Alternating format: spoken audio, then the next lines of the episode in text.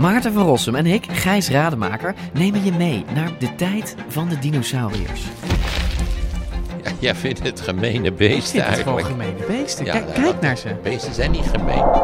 We zijn het eigenlijk nooit eens. Maar T-Rex is toch veel sexier. Nee, ik vind de kakkerlak net zo sexy als T-Rex. Ja, ik zie dat je daar moeite mee hebt. Voor iedereen die vroeger al van dino's hield en nu nog steeds een beetje, luister naar DinoCast.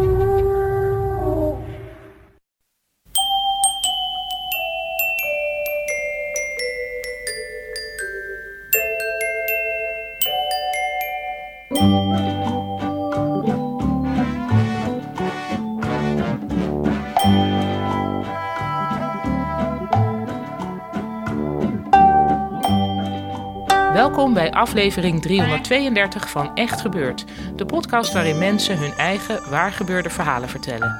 In deze aflevering een verhaal dat Henk Norel in oktober bij ons vertelde tijdens een verhalenmiddag rond het thema handel.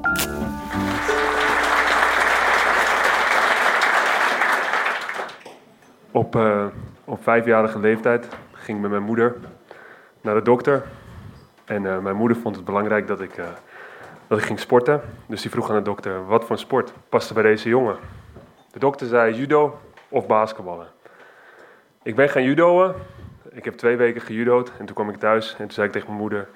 Vind judo wel leuk, alleen het vechten niet zo. Dus dat leek mijn moeder niet zo verstandig. Dus toen ben ik van judo afgegaan en ben ik gaan basketballen. Vanaf dat moment vond ik basketballen het allerleukste wat er in mijn leven was. En eigenlijk nog steeds. Eh, al gauw bleek ik eh, talent te hebben, bleek ik vrij groot te zijn, dus de lengte ervoor te hebben. Eh, en op mijn zeventiende had ik de mogelijkheid om naar het buitenland te gaan. Naar Badalona. Badalona is een voorstad van Barcelona, een soort Amstelveen van Amsterdam. En ehm, daar speelde ik voor, eh, voor Juventud, Badalona. Een beetje vergelijkbaar met het Ajax van hier. Het is een beste jeugdopleiding van Europa. En als je daar eenmaal bent, dan heb je de kans om professional te worden. En dat wou ik ook worden. En dat werd ik ook. Maar als je professional in het basketbal wil worden, dan wil je eigenlijk maar één ding. En dat is de NBA halen. De NBA is de National Basketball Association in Amerika. Jullie kennen het wellicht. En vanaf toen begon mijn reis naar de NBA toe. Ik werd gezien als een NBA-talent. En daar werkte ik voor. En binnen drie jaar speelde ik in het eerste team van Badalona.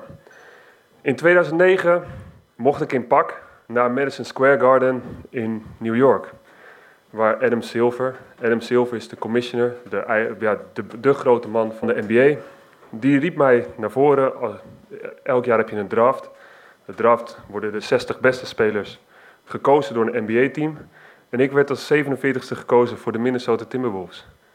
Ik was super blij. Ik, was, ik dacht, wauw, ik ben er nu weer. Weet je. Ik, heb, ik, heb mijn droom waargemaakt. Ik, ik ga voor de NBA spelen. Maar ik wist ook, ik ben er nog niet helemaal. Want ik word wel gedraft.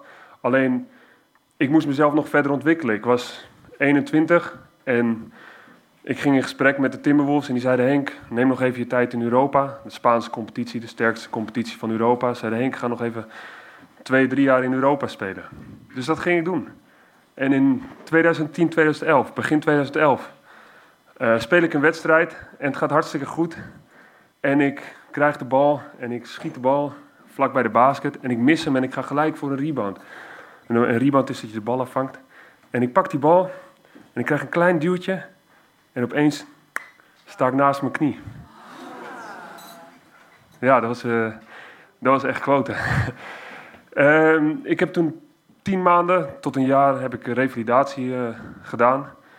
En ik werd ook gebeld door de Timberwolves en ik had contact met ze, want we hadden close contact.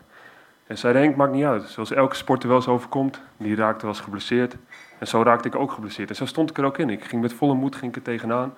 En zorgde ik ervoor dat ik mezelf weer herstelde. Dus in 2000, eh, een jaar later, 2012, kwam ik ongeveer terug. En toen, de zomer van 2012, ging ik naar Minnesota toe. En daar ging ik trainen. En ging ik met ze praten. Ging met, ging met, de, met de grote bazen van, van, van de Timberwolves praten. En ze zeiden, Henk, zorg ervoor dat je naar een team toe gaat...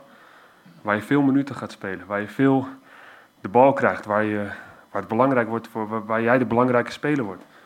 Dus ben ik naar Saragossa gegaan. Saragossa was een team dat kwam uit de tweede divisie... maar ging in de hoogste divisie in Spanje spelen.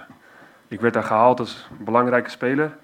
En we hebben dat seizoen ongelooflijk goed gedaan. We zijn dat seizoen zijn we derde geworden, achter Real Madrid en Barcelona. Het is een beetje een competitie te vergelijken met de Nederlandse voetbalcompetitie, dus 18 teams. En het ging geweldig. Ik speelde het beste basketbal ooit.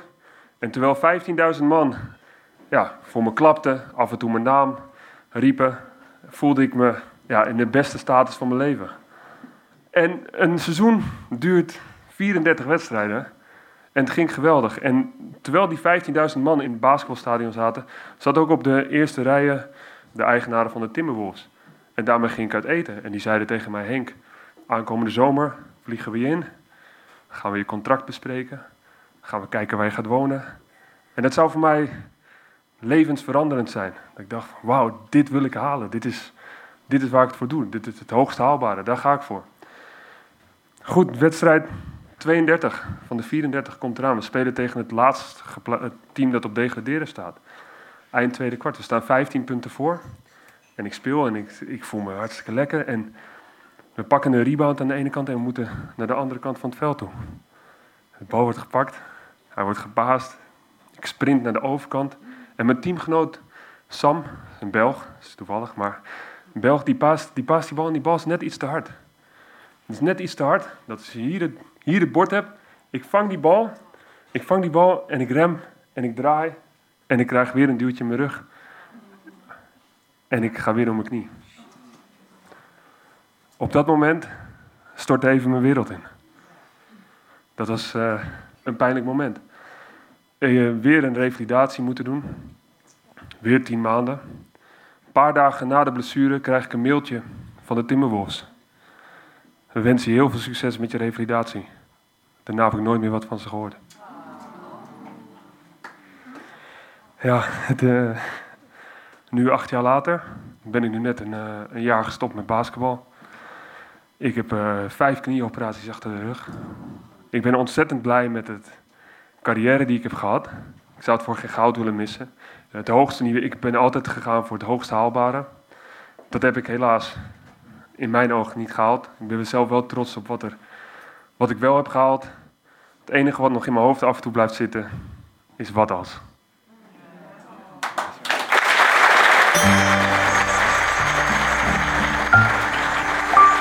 Ja, wat als? Dit was een verhaal van Henk Norel. Henk geeft basketbalclinics voor scholen en bedrijven. Hij is te contacteren via zijn Instagram-account, dat is gewoon.henk. En nu je toch op Instagram zit, volg ons. Wij heten daar echt underscore gebeurd.